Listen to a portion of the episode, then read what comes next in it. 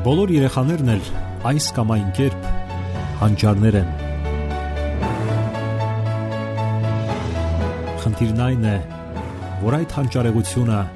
այս կամ այն կերպ ի հայտ բերվի։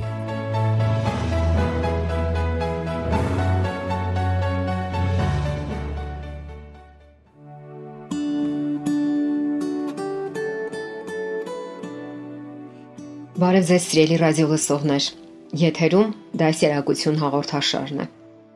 Բոլորդ էլ հավանաբար հիշում եք, թե մանուկ ժամանակ ինչ դժվարությամբ եք սովորել ժամացույցի աշխատելու մեխանիզմը։ Ժամանակը ձեզ այնքան խորթավոր ու անհասկանալի մի բան էր թվում, որովհետև ճիշտ չէին բացատրել ժամացույցից օգտվելու եղանակները։ Մեր օրերում շատ կարևոր է երեխաներին արագ բացատրել ժամացույցը հասկանալու կամ այսպես ասած կարդալու հմտությունը, ինչն իր հետ կբերի նաև ժամանակը գնահատելու հմտությունը։ Կարևոր են թե մեկը եւ թե մյուսը։ Մենք հիշում էինք, որ կարճ սլաքը ցույց էր տալիս ժամը, իսկ երկարը րոպեները։ Եվ այնուամենայնիվ հաճախ էինք շփոթում եւ փակուղու առաջ հայտնվում։ Հարցն այն է, որ դպրոցահասակ երեխաները դժվարությամբ են ընկալում վերացական հասկացությունները եւ ավելի դժվարությամբ են տեղավորվում այդ հասկացությունների մեջ, առավել եւս գործողություններ կատարում դրանց հետ։ Իրենց մտածողության առանձնահատկության պատճառով նրանք չեն հասկանում, թե ինչպես կարելի է սովորել մի բան, որը հնարավոր չէ տեսնել կամ շոշափել։ Եվ այնուամենայնիվ մեր օրերում կարևոր է, որ երեխան կարողանա օգտվել ժամացույցից, կողմնորոշվել ժամանակի մեջ, որpիսի կարողանա ինքնուրույն ծրագրավորել իր օրը, գործերը եւ նույնիսկ զվարճությունները։ Այլապես ինչպես կարող է նա հասկանալ մայրիկի օրինակ այս արտահայտությունը։ Դե լավ, մի 10 րոպե էլ խաղա։ Բոլորս էլ հիանալի գիտենք, թե ինչ արագությամբ է անցնում ժամանակը, երբ մեր սիրելի գործով ենք զբաղված։ Եվ ինչ փոքրիկին թվում է, թե ինքը հենց նոր է սկսել խաղալ, Արդեն մոտենում է քնելու ժամանակը, եւ մենք բոլորս հրաշալի գիտենք, թե ինչ դժվար է երեխաներին փոկել խաղից ու քնեցնել։ Նշանակում է նա ինքը պետք է հասկանա, թե երբ է քնելու ժամանակը եւ երբ պետք է պատրաստվի։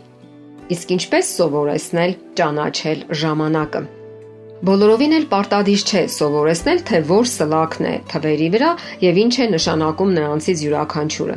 Ժամանակային տարածության ճանաչողության այբուբենը հարկավոր է սկսել ամենատարականից՝ իրադարձությունների հաջորդականությունից։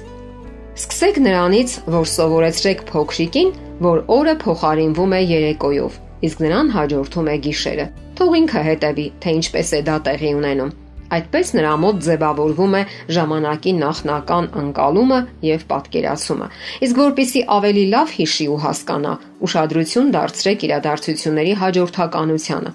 Օրինակ, կարմիր գլխարկը հեքիաթում։ Մայրիկը թխեց կարկանդակները։ Կարմիր գլխարկը դրանք տարավ տատիկին։ Ճանապարհին հանդիպեց գայլը։ Եվ այսպես շարունակ։ Հաջորդ քայլը. Անցյալի, ներկայի եւ ապագայի մասին պատկերացումները Սրանք նույնպես շատ կարևոր են։ Ամենօրյա պարապմունքների մեջ կարող եք օգտագործել խաղի տարրեր։ Զբոսանքի ժամանակ նրա ուշադրությունը կարող եք հravirել այն բանի վրա, որ հիմա ցերեկ է, իսկ դա ներկան է։ Երեկոյան կգա տատիկը։ Դա արդեն ապագան է։ Փոքրիկին ցույց տվեք իր մանկության նկարները։ Ասացեք, թե ինչքան փոքրիկ էր նա այն ժամանակ եւ ինչքան շուտ էր դա, եւ որ դա անցյալն է։ Փոքրիկների համար անկարևոր չէ նաև հասկանալ ու որոշել տարվա եղանակները։ Հասկանալ ոչ միայն 4 թվերը, թե քանի եղանակ կա, ամեն եղանակը քանի ամիս ունի, այլ նաև թե ինչու են մարդիկ տարբեր ձևով հագնվում ամռանը եւ ձմռանը։ Երբ երեխան սկսում է հասկանալ իրադարձությունների ժամանակային հաջորդականությունը, արդեն կարելի է սկսել բացատրել, թե ինչպես նա որոշի ժամանակը ըստ ժամերի։ Այդ նպատակի համար կարող եք ունենալ խաղալիք ժամացույցներ հստակ եւ մեծ թվերով, որոնց սլակները արագ ու հեշտ կարելի է տեղաշարժել։ Սկզբի համար փոքրիկին պատմում եք, որ ժամացույցն ունի երկու սլակ՝ մեծ եւ փոքր։ Ասացեք, որ փոքրը ցույց է տալիս ժամերը եւ շատ դանդաղ է շարժվում, իսկ մեծը ցույց է տալիս րոպեները եւ արագ է շարժվում։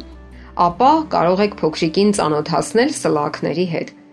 Կարող եք պլակատի վրա նկարել մեծ ժամացույց իր սլակներով, ապա փոքրիկի կյանքից ինչ-ինչ իրադարձություններ ներկայացնեք, որոնք որպես թե տեղի են ունեցել կամ տեղի են ունենալու ըստ ժամանակի ու ժամերի։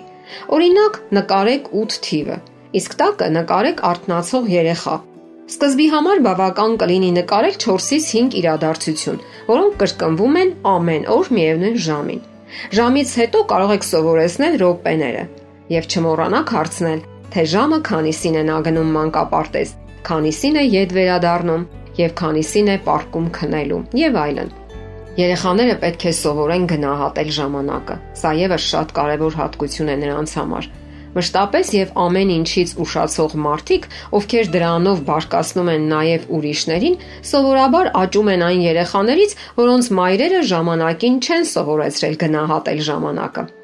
Հավանաբար լսել եք այս արտահայտությունը. ժամանակը ոսկի է։ Հենց այս ոգով պետք է դասերակել երեխաներին։ Հոգեբանները օրինակ ասում են, որ ժամանակի զգացողությունը այնպիսի որակ է, որը բնածին չէ, այն կարելի է սովորեցնել